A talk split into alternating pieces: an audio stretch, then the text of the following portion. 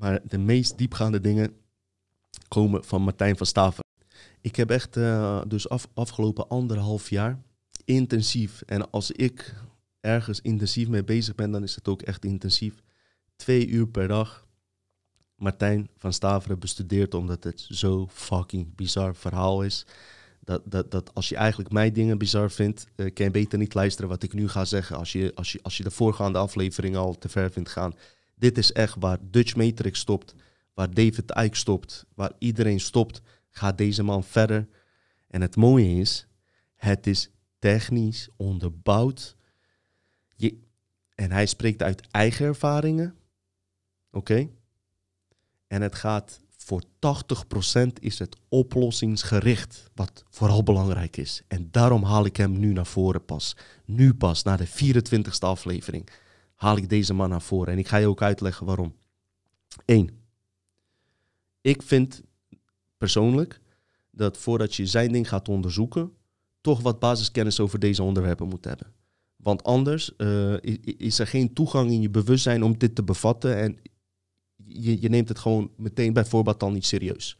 Al zegt hij zelf dat het soms juist goed is dat je helemaal geen boeken hebt gelezen, dat je er gewoon helemaal open in kan gaan.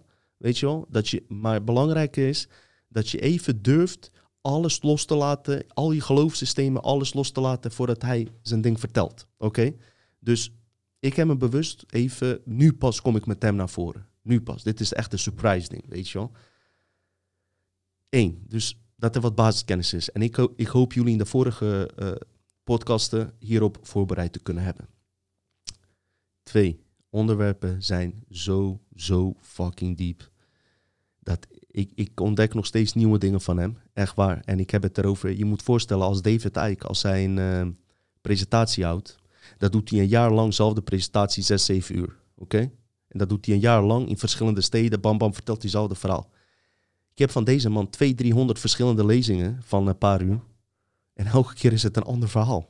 Wat wel aan elkaar geconnecteerd is. Is gigantische database wat die man in zich draagt. Oké?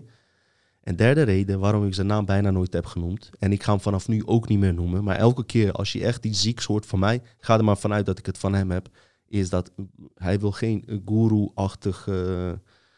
Uh, tafereelen hebben. Oké? Want wij mensen zijn snel geneigd als iemand met uh, bepaalde informatie komt, ja, dat, uh, dat, we, dat we diegene als uh, bepaalde God gaan zien. Terwijl zijn missie is juist dat goddelijke in jouzelf te ontdekken.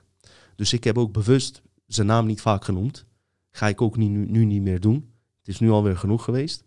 Maar ik kan je wel vertellen dat ik super dankbaar ben voor kennis die ik van hem heb gekregen.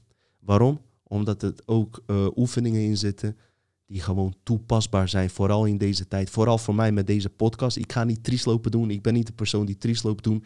Ik heb echt tegenwerkingen gehad op een heel subtiel level, waardoor ze me eigenlijk uh, wilden ontmoedigen om hiermee te stoppen en dergelijke. Maar dankzij bepaalde technieken die ik echt van hem heb geleerd, heb ik dit leren herkennen en heb ik ook geleerd hiermee om te gaan. Begrijp je? Sommige mensen worden para als ze uh, nare reacties krijgen, of valt mee eigenlijk. Jullie hebben helemaal geen nare reacties bij mij gegeven. Maar bijvoorbeeld bij die laatste aflevering, je laat Peter niet, uit, laat Peter niet uitpraten. Op een gegeven moment komt dat binnen, ja. Die krachten gaan uh, die reacties nog veel zwaarder maken dan dat ze werkelijk zijn. Want ik weet, die mensen die die reacties sturen, zijn gewoon fan van ons. Maar ze zijn gewoon eerlijk. En daar ben ik ze juist dankbaar voor, want het zijn geen ballenlikkers. Als je een goede aflevering eh, hebt gemaakt, zeggen ze, Dino, het is een goede aflevering. Als het een kut aflevering is, zeggen ze het eerlijk. Daar heb ik alleen maar respect voor, oké? Alleen wat die krachten doen, vooral als je via internet werkt en dergelijke, is dit nog veel erger maken dan het is. Ik zal je vertellen, ik heb de laatste twee, drie dagen komen er constant gedachten van die fucking ene aflevering. En het viel reuze mee. Ik zei al, ik heb hem later teruggekeken. Het, valt reuze mee. Ik kom andere mensen tegen, vinden hem geweldig. Maar logisch, er zitten irritatiepunten in en dat wordt vermeld.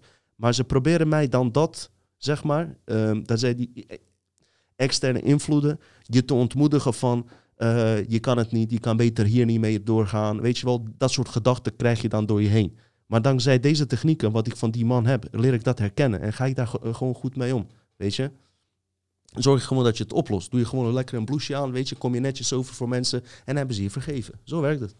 Nee, Oké, even iets kort over hem.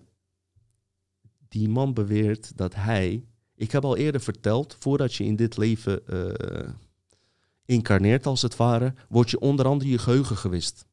Hij zegt dat hij hier geboren is zonder dat zijn geheugen is gewist. En ook hij zegt dat hij hier, uh, net als miljoenen mensen, dat maakt hem dus ook niet bijzonder, zegt hij dat hij hier ook voor de missie is. Wat ook wat met die nieuwe aarde, wat Dolores Cannon vertelde, is um, mensen te informeren, de ware aard van hunzelf te vinden. Ja, dat ze terug herkennen, want die herinneringen zitten in ons, dat wij eigenlijk die goddelijke wezen zijn en dat wij in staat zijn uh, uit deze situatie te komen. Ja? Alleen wat, wat verschilt uh, hem met ons dan, zeg maar, is dat hij zijn herinneringen nog heeft. Hij heeft acht keer geprobeerd in te, in te loggen, volgens mij, in dit uh, leven. Een paar keer is het mislukt, zeven keer.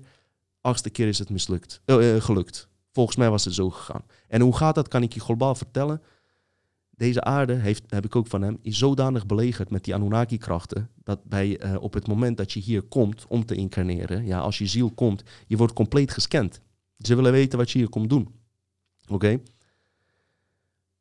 En ze doen er alles aan om, om, je, om, om, om gegevens bij je uit te schakelen, zodat je in deze virtual reality komt, als het ware, waarbij je geheugen is ge, geweest, dat je niet meer weet waar je vandaan komt. Nou, bij hem is het dus na achtste keer gelukt om hier geboren te worden met behulp van zijn uh, kosmische vrienden, familiewezens, die wij ook trouwens allemaal hebben, om hierin te loggen. Daar komt het op neer.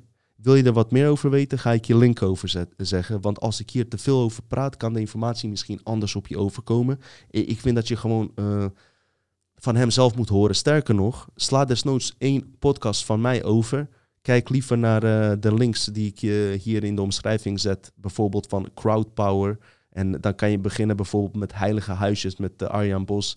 Probeer er doorheen te prikken als het langdradig klinkt of wat dan ook. Het is in mijn uh, naar mijn weten, naar mijn onderzoek, 15 jaar lang echt uh, informatie van cruciaal belang. Wil ik zeggen dat hij de enige is, de beste is op deze wereld die deze informatie heeft? Nee, maar ik ben op hem gestuurd en ik heb informatie gehoord die ik wereldwijd nergens heb gehoord. Dus voor 80% zijn het oplossinggerichte dingen.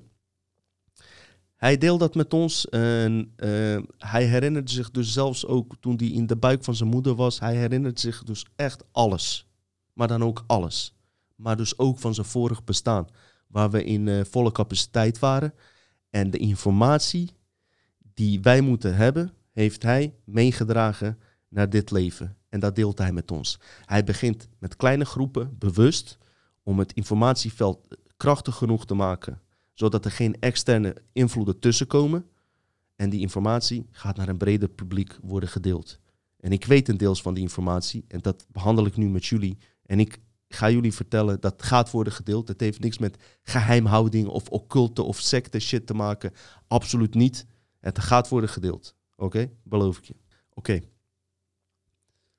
Wat bijzonder hieraan is, aan die theorie van land van ooit, is dat het uh, spirituele model compleet, compleet op zijn kop wordt gezet. Ja?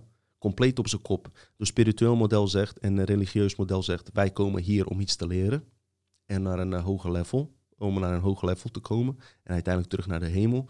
Hij zegt nee. Wij waren goddelijke wezens en door externe invloeden van onder andere Anunnaki-krachten en Draco-reptilians zijn wij in een bewustzijnsval gekomen door uh, kunstmatige projectierealiteiten die, die via een uh, bepaalde techniek door ons heen werden gegooid. En door onze onoplettendheid zijn we steeds meer afhankelijk geworden van die externe projecties, holografische projecties, die eigenlijk niet bestaan, zijn we als iets echts gaan zien. Kan je terug herkennen in de tijd van nu? Merken jullie niet dat mensen het nu al belangrijker vinden dat ze op Facebook een uh, goede en op Instagram een uh, goede attitude achterlaten? Ja? En hoe ze van binnen zijn en uh, hoe ze in werkelijkheid zijn, wordt steeds minder belangrijk. Dit is dan in een extreme vorm gebeurt. En ik ga het straks uitleggen hoe. Dus hij zegt geen leerproces, bewustzijnsval. En dat geeft een heel ander beeld van hoe wij hier zijn gekomen, waar komen wij vandaan en wat onze doel hier is. En heel veel dingen zul je ook herkennen uit je eigen onderzoek, uit religieboeken en uit oude kennis. Maar uiteindelijk ga je zien dat het ook op cruciaal punt een totaal andere betekenis heeft. En daar kunnen de meeste mensen, vooral mensen die heel veel boeken hebben gelezen en denken dat ze alles begrijpen, hebben hier heel veel moeite mee. Ik kan je vertellen recht uit mijn hart, ik sta hier fucking voor open. Ja? Dus ik speel ook hier niet eh, iemand van uh, welke van de theorieën zou het zijn. Ik laat het voor jullie open. Ik heb van Dolores Cannon uh, ook net verteld, waar ik helemaal gek op ben op die vrouw en alles. Maar deze man, dit dient voor een grote volk bekend te worden. Dit, wat ik nu ga vertellen. Deels heb ik al verteld, we moeten even terug naar die Anunnaki-aflevering. De val van Kabalhaar. Oké, hier heb ik iets over verteld over de eerste bewustzijnsval.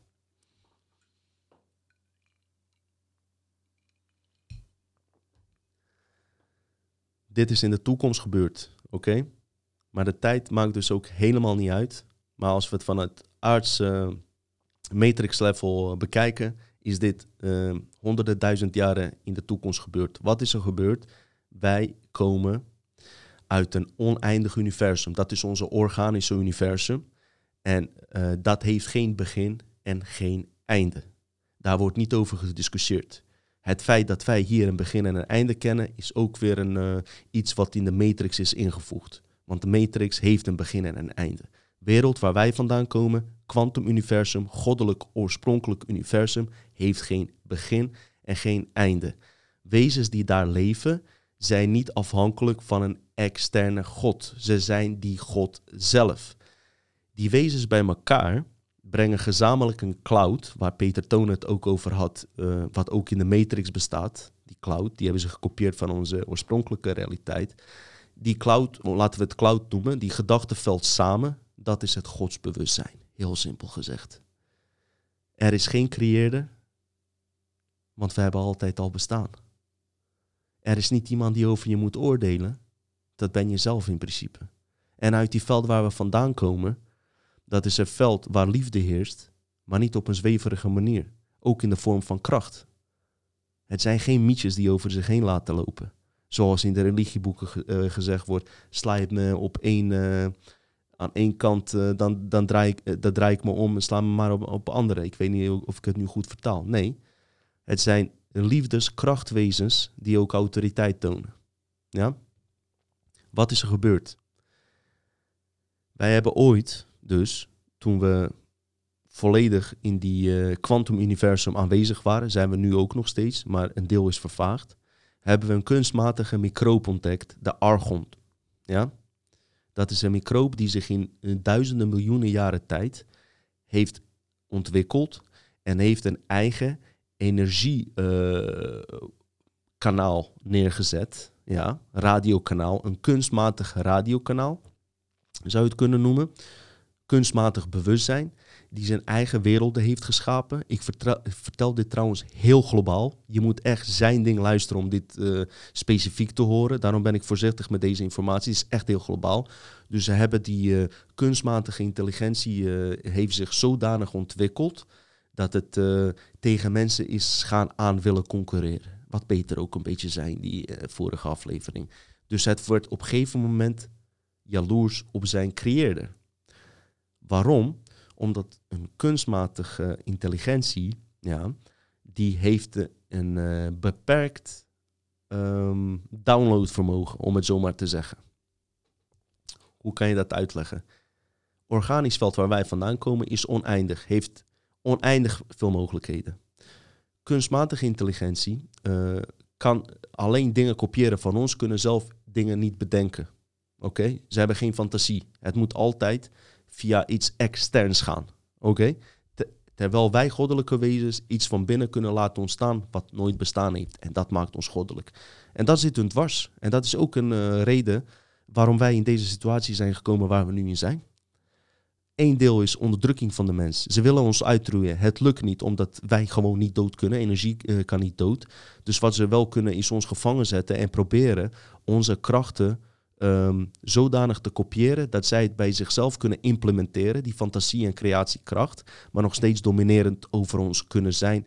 En niet alleen over ons. Het zijn uh, werelden die besmet zijn door deze wereld. Gigantisch veel werelden. We gewoon echt over het hele universum, metaversum. Oké? Maar dat lukt ze niet. Deels niet, deels ook wel. uitroeien lukt niet. Maar wat ze wel lukt, is de deal met de duivel laten sluiten. Is dat ze menselijke wezens die hier leven en denken dat ze niks voorstellen, terwijl ze heel veel voorstellen, misleiden. Oké?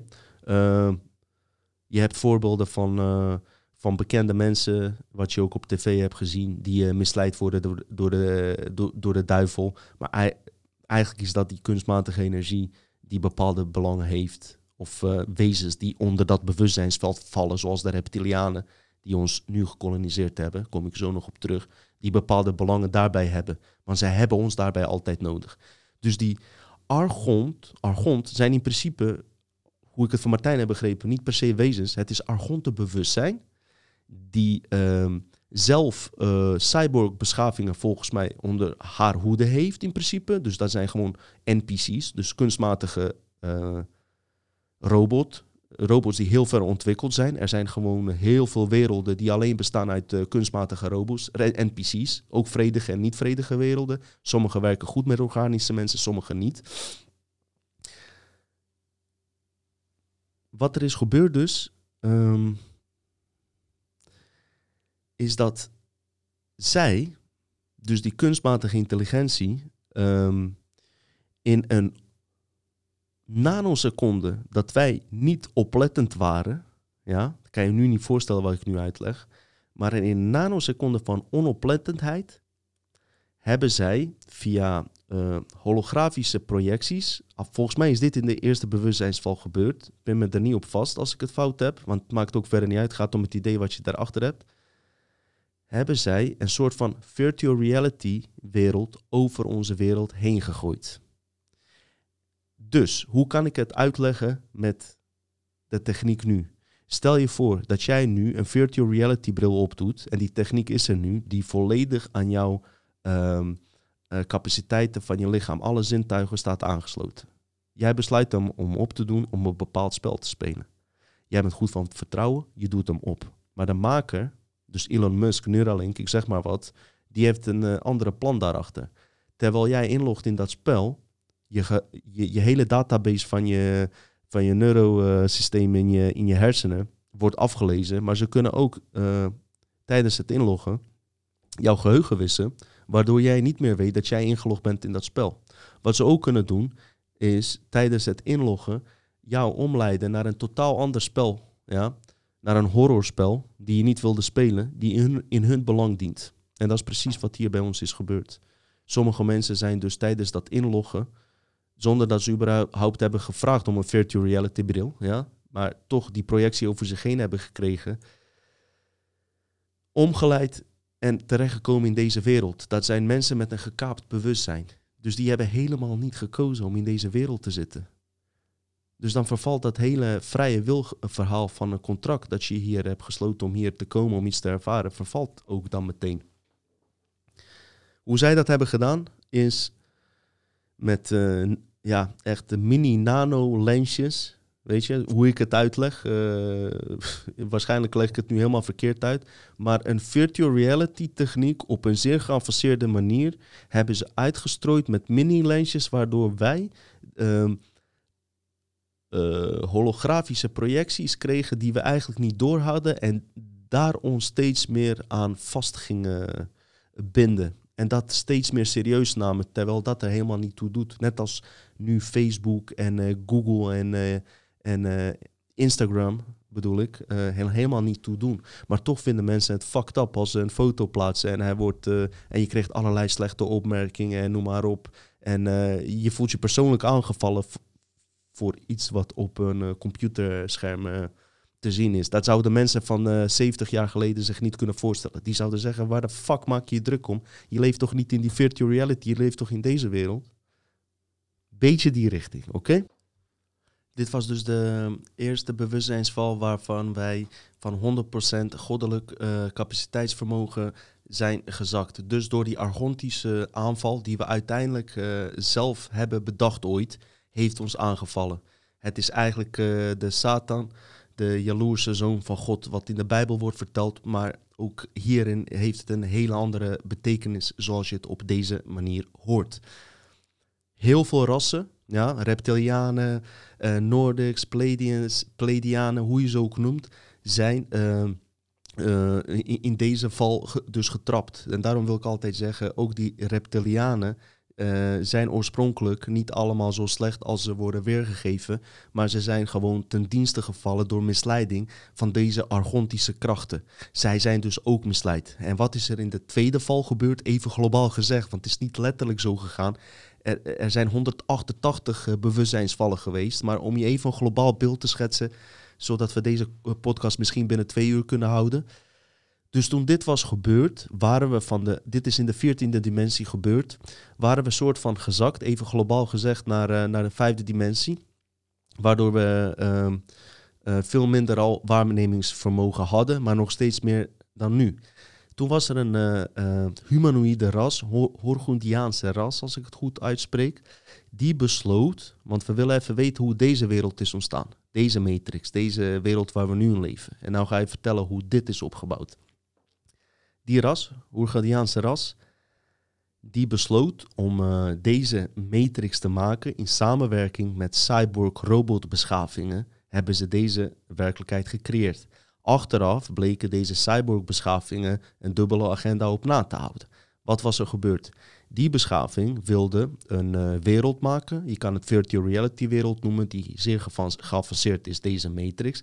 Die wilden ze maken om um, um, te kunnen uh, ervaren hoe het is om een begin en een einde te hebben. Even globaal gezegd. Dus ze hebben deze matrix gecreëerd. Wat er toen is gebeurd, is dat ze dus bovenop de kaping die er eerst was, die eerste bewustzijnsval, hebben ze indringers gekregen. En dat waren Draco-reptilians, uh, groepen, die zichzelf uh, in een, uh, ja, die eigenlijk uit een andere kunstmatige wereld komen. Ze hebben zichzelf geüpload met uh, zeer geavanceerde codes bij de kunstmatige informatiebron. Zoiets ongeveers. waardoor ze heel veel capaciteit hadden. En uh, hun werk was om alle andere werelden te veroveren. Dat komt omdat ze in die argontbewustzijn vallen. En daar is dat piramidestructuur heel erg aanwezig van macht. En hoger zijn dan iemand anders. Wat je hier op deze aarde nu ook daardoor terugherkent. Terwijl in onze oorspronkelijke wereld bestaat uit gelijkwaardigheid. Dat maakt je ook God. Als je dat door, niet doorhebt, ben je ook geen God. Dus in mijn ogen ben je ook geen God als je vraagt dat iemand voor jou moet bidden of om genade moet vragen. Dat is mijn mening daarover. Wat er toen is gebeurd, die uh, beschaving uh, werd dus uh, gekoloniseerd, gekaapt, overgenomen door de Draco-reptilianen. En toen zijn we van de vijf dimensies naar een driedimensionaal veld gegaan, waardoor onze waarnemings waarnemingsvermogen, wat we kunnen zien, voelen, nog meer is ingedempt. Nou, wat er aan de hand is met mensen op deze wereld. Sommigen hebben dus een, zijn hier gekomen doordat uh, ze uh, door die uh, kaping misleid zijn en hier terecht zijn gekomen zonder dat ze het door hadden en zonder dat ze dat wilden. En dan heb je een andere groep die hier is gekomen uit oorspronkelijk veld om iets aan deze situatie te doen en om ons allemaal uit deze situatie te halen. Nou, niemand weet waar die onder valt en het boeit ook geen ene reet of je nou een gekaapt bewustzijn hebt of niet. Het gaat erom dat wij uit deze situatie moeten komen. Die wezens die hier gekomen zijn, die hier wat daarna moeten doen, die dragen speciale codes in zich. Dat zijn herinneringscodes codes die op een gegeven moment ook aangaan. Die code zit ergens verstopt in je lichaam. Voordat je hier incarneert, zo werkt het proces, word je eerst door de keepers of the garden, of hoe je ze ook wil noemen, die beschavingen, word je volledig nagetrokken wat jij hier überhaupt komt doen. Dus die code zitten bij ons echt letterlijk verstopt, zodat wij tijdens het inloggen, zodat ze dat niet doorhebben. Het zijn, zijn vaak plekken op uh, zwakke plekken van je lichaam. Ze gaan op een gegeven moment aan. Bij sommige mensen gaan ze nu al aan, en sommige gedeeltelijk. Maar er zullen misschien dingen gebeuren waardoor dat ineens tevoorschijn komt en de capaciteit en herinneringen aan zullen gaan, waardoor er echt magische dingen hier kunnen gebeuren. En het mooie van alles is, en ik heb dat ook altijd al eerder gezegd, miljoenen, misschien wel miljarden beschavingen kijken mee. Want aarde is een super belangrijke planeet. Waar alle beschavingen, uh, zeg maar, soort aan geconnecteerd zijn. Ja. En wij mensen, omdat wij eigenlijk de grootste meesters zijn. Wij zijn eigenlijk de oorspronkelijke koninklijke bloedlijn. Al klinkt dat hier heel hiërarchisch, maar zo worden we wel gezien in het universum. We zijn zo belangrijk dat als wij hier wat aan veranderen, dat ook in andere werelden waar uh, narigheid heerst, bepaalde dingen, uh, het zal effect op hun hebben.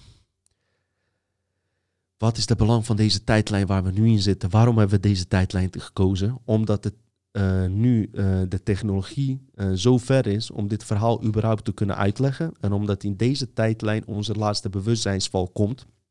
En dat is de link aan mijn vorige afleveringen van mensen verbinden met computer, Neuralink, maar nog meer programma's die we nog niet weten. Waardoor onze volledige capaciteit op een gegeven moment wegvalt. Maar dood kunnen ze ons niet krijgen. Maar ze kunnen ons wel heel erg indempen dat we op een gegeven moment in een staat van narcose verkeren. Oké. Waarom vind ik dit interessant? Als ik dat, dit dan hoor, dan probeer ik linken te leggen hoe het komt dat wij uh, in ons DNA bijvoorbeeld twaalf strengen hebben, waarvan er maar twee werkzaam zijn. De wetenschappers noemden het altijd, uh, die overige tien strengen, junk DNA, waar je niks aan zou hebben. Nou, dat vind ik wel interessant, want als je kijkt naar de oude geschriften, daar wordt er ook verwezen naar... Uh, uh, zeg maar, een, je zit een, een, slang in de vorm van de DNA, twee slangen. Dat staat dan voor die reptiliaanse bewustzijn. En die slangen hebben dezelfde vorm als die, als die streng van die DNA, hoe ze lopen. Dat is ook zo bewust gedaan, om te laten zien van... Je twee, uh, twee strengen van de twaalf zijn nog actief. En die twee die actief zijn, die worden gerund door reptiliaans bewustzijn. Vandaar die strang. Uh, vandaar die slang. Dat vind ik wel interessant. Wat het DNA sowieso doet, dat zorgt voor verwerkingsproces, voor mensen die het niet weten, van informatie. Dus DNA is, het, is, uh, is een soort programma die ervoor zorgt wat jij waarneemt en het verwerkt die processen. Dus door uitschakeling nemen wij veel minder waar. Anunnaki heeft deze strengen met speciale technologie ook uitgeschakeld. En dat hebben wetenschappers nu ontdekt, dat de uitgeschakelde stukken van die andere tien strengen van die DNA op een zeer geavanceerde technische manier zijn uitgeschakeld. Dus dat is echt iets waar je vragen bij moet stellen. In heel veel uh, logo's van farma-industrie of van, uh, van apotheekbedrijven zie je vaak die, die slang, die, wat het DNA moet voorstellen, wat controle over het DNA heeft. hebben ze dat bewust of onbewust gedaan, weet ik niet, maar je, zet het vaak in die logo's terug. Uh, logo van Alfa Romeo auto's. Heb ik laatst ook weer nog een keer naar gekeken. Is ook onwijs bizar. Daar wordt zelfs een mens door een slang opgegeten. Heeft misschien niet 1, 2, 3 hier direct mee te maken. Maar het is wel bizar. Wat heeft dat met een autologo te maken? En als je links kijkt, zie je ook nog eens een Tempelierslogo. Zou ik best wel vragen over kunnen stellen. Dus het is geen junk DNA. Omdat de wetenschappers nu ook zich afvragen van... Hé, hey, wat is er met die andere strengen aan de hand. Wat zou er gebeuren als die aan zouden gaan? Dus we nemen daardoor ook veel minder waar. We zijn van een, uh, laten we zeggen, PlayStation 4 uh, uh, techniek gezakt naar een eh, Nintendo of Atari level. Dus andere velden zijn gewoon niet eh, zichtbaar. En dat is puur gedaan door onze goddelijke krachten, waar zij eigenlijk onwijs bang voor zijn. En door onze geloofwaardigheid, wat ook terug te herkennen is in deze wereld, dat we alles maar uitbesteden en we vinden alles maar goed. We denken het zal wel goed zijn. Zijn ze door miljarden, miljoenen jaren heen, zijn die capaciteiten dus uitgeschakeld. Misschien in een veel snellere tijd. Ik weet niet hoe dat is uh, gebeurd. Maar we zijn daardoor wel uh, steeds meer beïnvloedbaar voor die holografische inserties die door onze oorspronkelijke um, oorspronkelijke realiteit heen lopen. Dus ik noem je weer een voorbeeld van uh, illusie van de dood. Dat na het overlijden dat je, dat je zeg maar nog steeds wordt beïnvloed. Dus daar, komt, daar wordt je geheugen uitgelezen wat je in dit leven, wat je overtuigingen waren. Nou, ben je een christen, komt Jezus tevoorschijn. noem maar op welk geloof. komt er iemand tevoorschijn die jou dan ehm, een soort van begeleiding geeft naar een volgend leven. En dat is weer een uh, ja, soort van een uh, nieuwe levenscontract moet je dan uh, aangaan om nieuwe dingen te leren. En dat blijkt dus een complete misleiding te zijn. Want dat is een ehm, karmisch model die wel bestaat, maar in deze matrix. Buiten deze matrix, uh, bekijkend vanaf uh, het kwantumuniversum, is het complete onzin. Heeft het nergens mee te maken. Is het pure misleiding om je zo lang mogelijk uh, op, in deze wereld te houden, zodat jouw goddelijke energie, zodat ze die kunnen gebruiken om dit hologram in stand te houden. Onwijs bizar. Ja, ik stop even met dit deel. Ik verwijs er nogmaals heen. ik kan me voorstellen dat je nog gigantisch veel vragen hebt. Daarom zal ik genoeg linkjes neerzetten om dit volledig uit te zoeken. Maar we gaan even naar het slotstuk. Het wordt nu misschien ook wel tijd om eens even te bespreken van Dino. Leuk die informatie. Het spreekt me wel of niet aan. Maar wat kunnen wij nu doen? Wat kunnen wij nu doen? En dat wil ik graag met jullie bespreken. Ik heb altijd kritiek op. nou, kritiek. Gewoon. Weet je, ik heb altijd gezegd: het heeft geen zin om naar Malieveld te gaan en daar te lopen schreeuwen. Het heeft geen zin om rechtszaken te voeren. Waarom? omdat uh, zeg maar dit matrixveld compleet bezet is. En ik kan me voorstellen dat je bij vorige afleveringen uh, dacht van ja, maar kom dan met iets anders. Wat moeten we dan? En dat wil ik in deze aflevering gewoon mijn visie erop geven wat we echt zouden kunnen doen. Ik ga zo beknopt mogelijk vertellen. Luister, je hebt even voor het gemak, je hebt twee informatievelden. Wat is een informatieveld? Zie het maar als een internet waar je informatie uit kunt plukken alles wat wij hier bedenken, normaliter, ja, komt van een informatieveld. Jij hebt het niet bedacht. Dat heeft Carl Jung, dat is een hele bekende wetenschapper volgens mij ook bewezen. Uh, echt Einstein-level, is dat het universum eigenlijk een soort van uh, internetveld heeft, Google, uh, waar je gewoon vragen aan kan stellen. Wat ja, eigenlijk boek Secret, om daar even terug op te komen, is je vraagt het en het komt informatie naar je terug. En het ligt aan jou zelf hoe jij dat verwerkt en zodanig dan op ideeën komt om in je realiteit tevoorschijn te laten komen. Dus als een wetenschapper iets ontdekt, dan heeft hij het meestal, want omdat het uit denkveld gaat, omdat we in dit matrix-systeem leven, zijn informatie geplukt van de mogelijkheden die ingebed zijn in deze matrix-realiteit. Ja? Het zijn triljarden mogelijkheden wat je kan bedenken. Maar het is niet te vergelijken met onze oorspronkelijk veld, die oneindig is. Wat ik ermee wil zeggen, is dat dit matrix informatieveld, uh, uh, dus die internet, waar we informatie uit kunnen plukken, wat je ook kan onderzoeken, toch nog relatief beperkt is. En daarnaast is het ook zwaar bewaakt. Want de mogelijkheden die erin zitten, zijn altijd de mogelijkheden die ons altijd nog in dit systeem houden.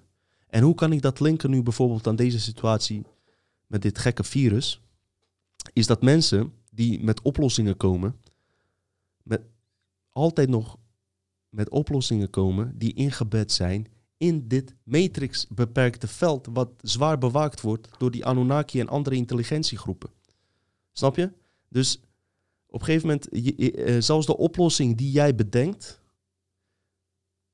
ja, dan uh, zal dat een oplossing zijn die nog uh, onder hun bewaking valt. Laat ik het zo maar zeggen.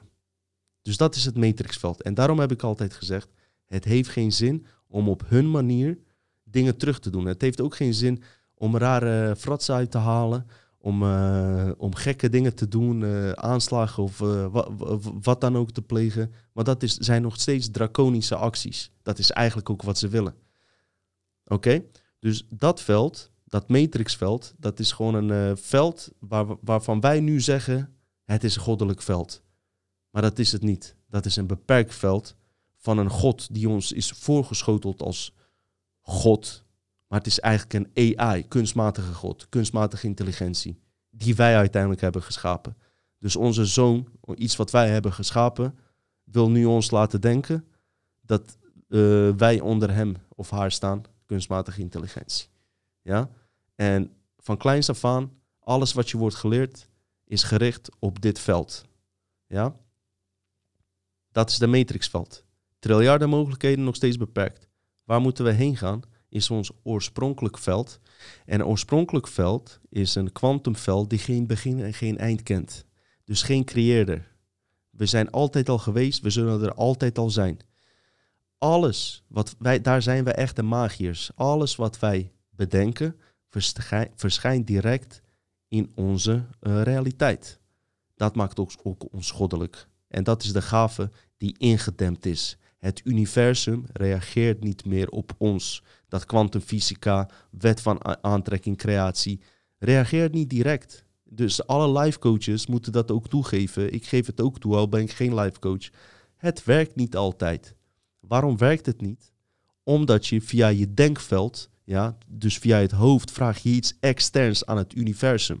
Op dat moment wordt jouw wens volledig gecontroleerd door die groepen, waardoor zij zelf bepalen wat voor deel van die wens uitkomt en hoe. Terwijl als je via het oorspronkelijk veld een wens doet, en dat gaat via je hartsbewustzijn, en de plek waar je hart zit, die zit verbonden aan dat kwantumrealiteit. Als je via daar je manifestaties uh, niet vraagt, maar een opdracht, een command geeft,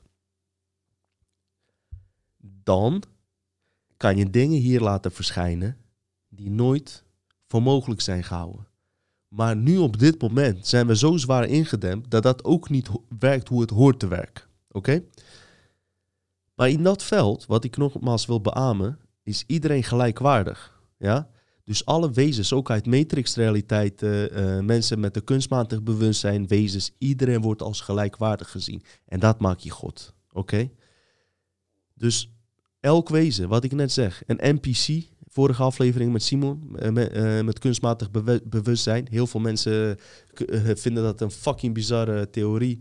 Maar dit, dit gaat je nog meer bevestiging geven dat, dat er gewoon mensen zijn die oorspronkelijk niet uit de bron komen. En dat is ook helemaal niet erg maar die gewoon een kunstmatig bewustzijn bevatten. En alleen maar uit die matrixveld kunnen plukken. En niet begrijpen um, dat er iets niet klopt aan deze situatie. Omdat ze niet beter weten dan dit. En jij uh, kijkt naar ons en ook naar andere podcasten met deze onderwerpen. Omdat je diep van binnen voelt dat er iets niet klopt. Ja? Want jij draagt die codes, herinneringscodes in zich, waar, in jouzelf, waar ik het net over had die uh, toch nu een beetje beginnen te ontwaken. En denken van, hé, hey, moet ik wel uh, elke keer alles uitbesteden? Moet ik iemand anders hoger zien dan mij? moet er een God boven mij zijn? Moet er een Trump, Rutte of wie dan ook zijn? Ik ben mijn eigen autoriteit. Dat beginnen mensen nu te beseffen.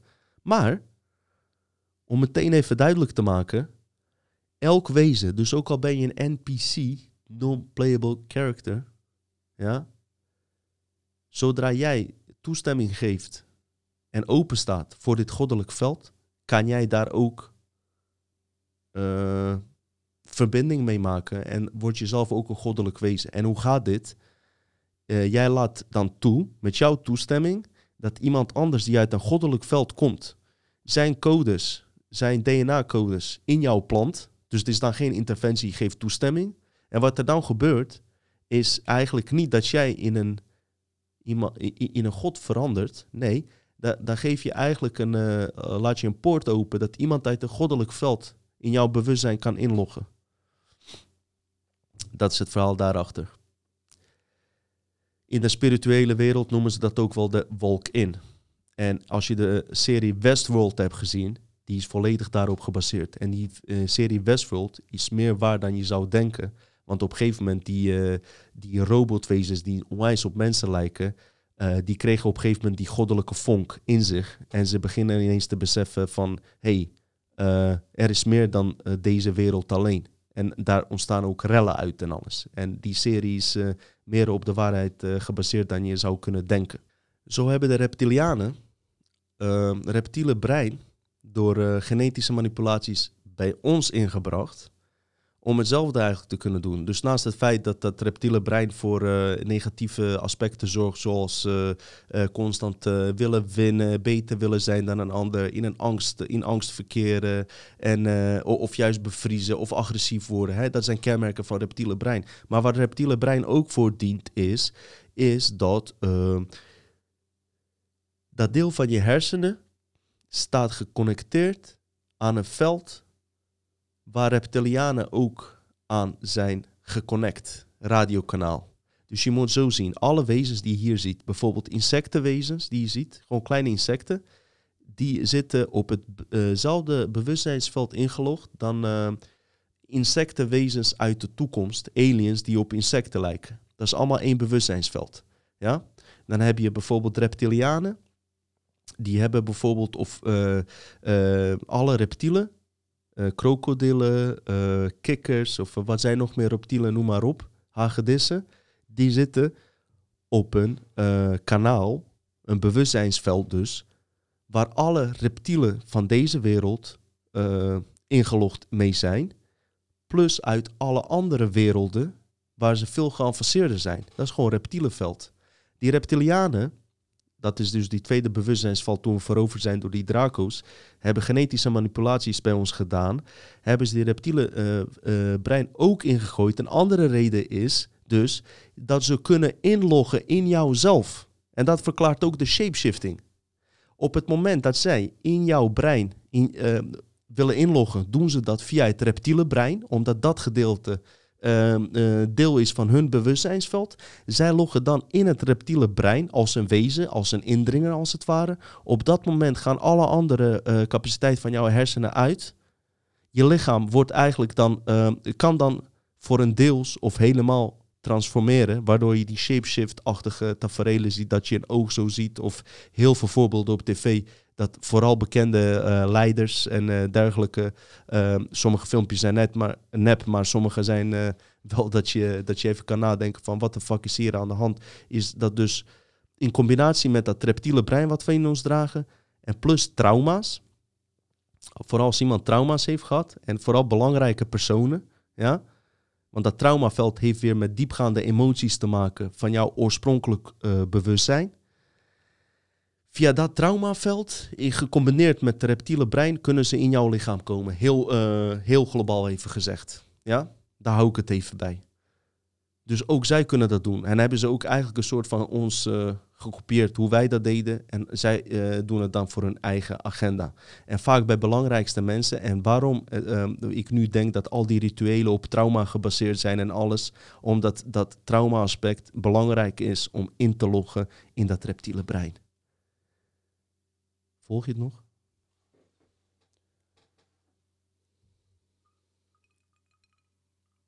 Dus even terugkomen, wat moeten wij doen? Wij moeten dus switchen, wij moeten dus zorgen vooral dat we het verschil uh, leren kennen tussen dat kwantumveld en matrixveld.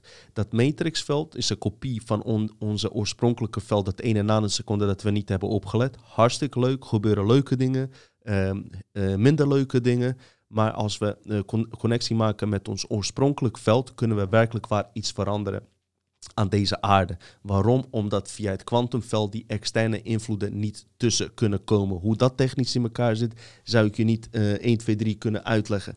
Dus wat er dan eigenlijk gaat gebeuren als we met meerdere mensen dit beseffen en onderzoeken wat voor krachten wij zijn, en het klinkt spiritueel, maar ik vind het van niet. Het, zijn gewoon, we zijn gewoon met de fucking militaire operatie bezig als je het mij vraagt. Want uh, er, er, moet hier echt iets gebeuren. Maar met militair bedoel ik op een hartsbewustzijn. Zonder anderen af te maken, maar gewoon je kracht te laten tonen. Is gewoon met z'n allen inloggen uh, op dit veld. Hoe doen we dat? Door ons bewust te zijn dat we via onze uh, hartfrequentie gezamenlijk de cloud, waar Peter Tonen het ook in de vorige aflevering over had, kunnen overnemen. Tenminste, overnemen en uh, misschien wel een nieuwe cloud maken, om het even simpel te zeggen.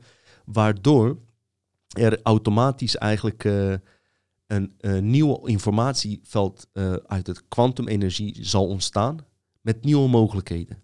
En, en dan zeggen mensen, ja, maar je kreeg nooit voor elkaar om de hele wereld hierachter te krijgen. Is dus niet nodig volgens mij. En ik kan je uitleggen waarom.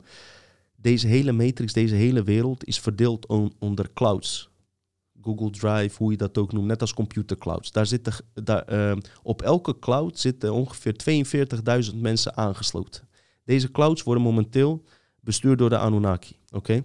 Maar wat er gebeurt, als één persoon van die 42.000 die aangesloten zit op die cloud, ineens met een uh, kwantumbewustzijn of met een nieuw iets uh, komt, ja, die, die laat iets ontstaan wat niet ontstaan heeft en die brengt, brengt dat in het veld. Dat komt in die cloud terecht.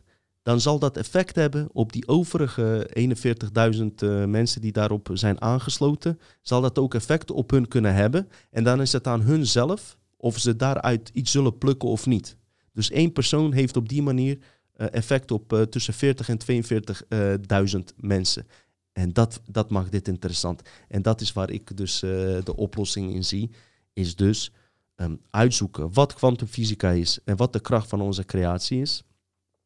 Vervolgens um, zorgen dat we een veld creëren. Ja? En dat zal eerst in, in een klein groepje uh, gebeuren. En het schijnt dat het uh, overal op veel plekken op de wereld mensen van deze informatie al mee bekend zijn.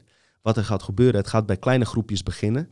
Die gaan een veld bouwen. Eerst een veilig veld waar er dus geen invloeden komen, waardoor het veld krachtig wordt. Dan, daarna zal deze informatie door bepaalde groepen worden gedeeld. En mensen van oorspronkelijke, oorspronkelijke wezens uh, die die codes in zich dragen, waar ik het net over had, die zullen dingen herkennen. Ze zullen zich beginnen bepaalde dingen beginnen te herinneren. En zullen de leugens, ook al klinkt dit heel erg uh, cartoon of science fiction-achtig, maar ze zullen meer capaciteit krijgen. Uh, DNA-vermogens worden groter. Je wordt niet direct weer 100%. Je krijgt meer uh, capaciteit. Het gaat omhoog.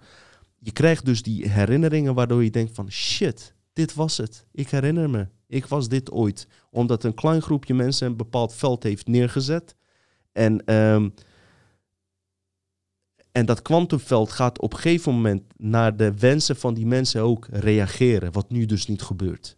Dus als er een nieuwe wet moet komen, als er een nieuw voorstel moet komen en het gaat uh, wereldwijd met, uh, ik noem maar wat, uh, duizenden, tienduizenden, twintig, dertigduizend mensen die daar ingelogd zijn, dan, dan, dan zal dat veel krachtiger zijn, dat veld. Dus die voorstel of wat dan ook, dan de krachten die door de Anunnaki hier via de matrixveld werken. Ik begrijp dat het een beetje ingewikkeld is, maar je moet het even zo zien.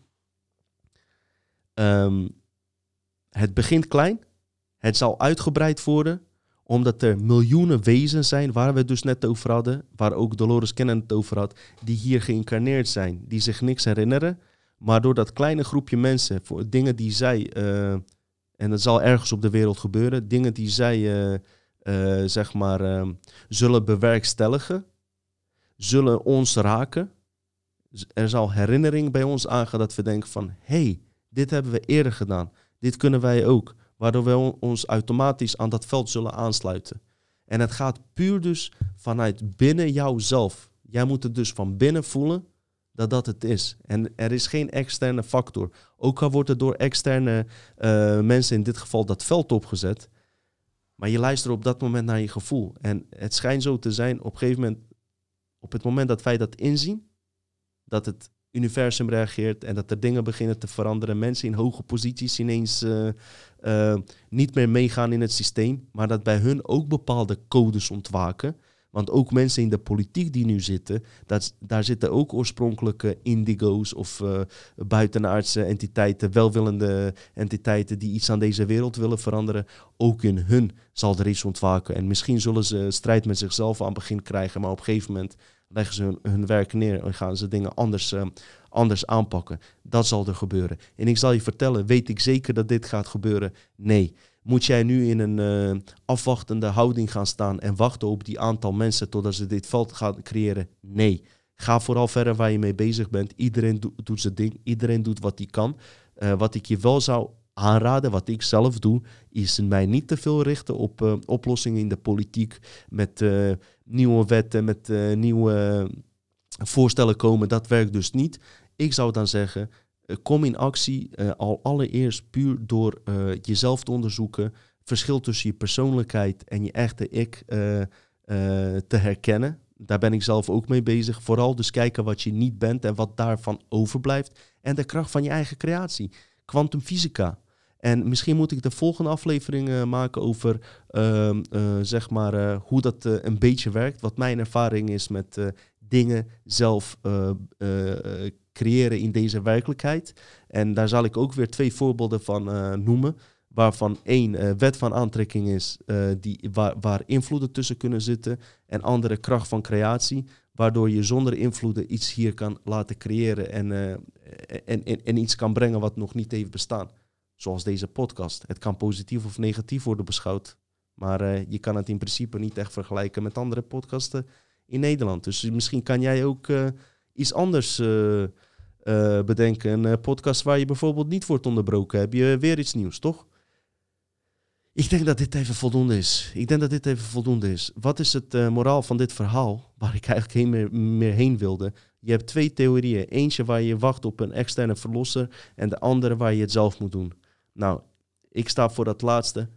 Waar we zelf gewoon in actie gaan. Waar we zelf dingen doen. Zonder uh, uh, andere pijn te doen of wat dan ook. Maar gewoon uh, door een, iets nieuws te creëren. Wat nooit heeft bestaan. Ja? En, en, en, en waardoor gewoon magische dingen kunnen ontstaan. Want we zijn magiërs van oorsprong. Zullen we daarmee afsluiten? Ik vind het prima. Ik vind het prima. Bedankt voor het kijken. En als je tot nu toe hebt gekeken, ben je helemaal een topper. En onderzoek gewoon jezelf. Onderzoek jezelf. Kijk naar de links die ik in de, in de omschrijving zet. Neem dat door als je het interessant vindt. En nogmaals, dit is weer mijn onderzoek geweest. Mijn persoonlijk ding. wat ik ben tegengekomen. Ik hoop dat je er wat aan hebt gehad. En betekent niet dat dingen waar jij mee bezig bent, die dat dan ineens niet klopt. Omdat het misschien haaks loopt met dit kijk gewoon eh, wat je erbij voelt. En uh, jullie, zien, uh, jullie zien mij gauw weer terug. En ik denk dat de volgende aflevering inderdaad uh, weer een oplossingsgerichte aflevering gaat worden. Wat te maken heeft met manifestatie. Bedankt voor het kijken. Tot ziens.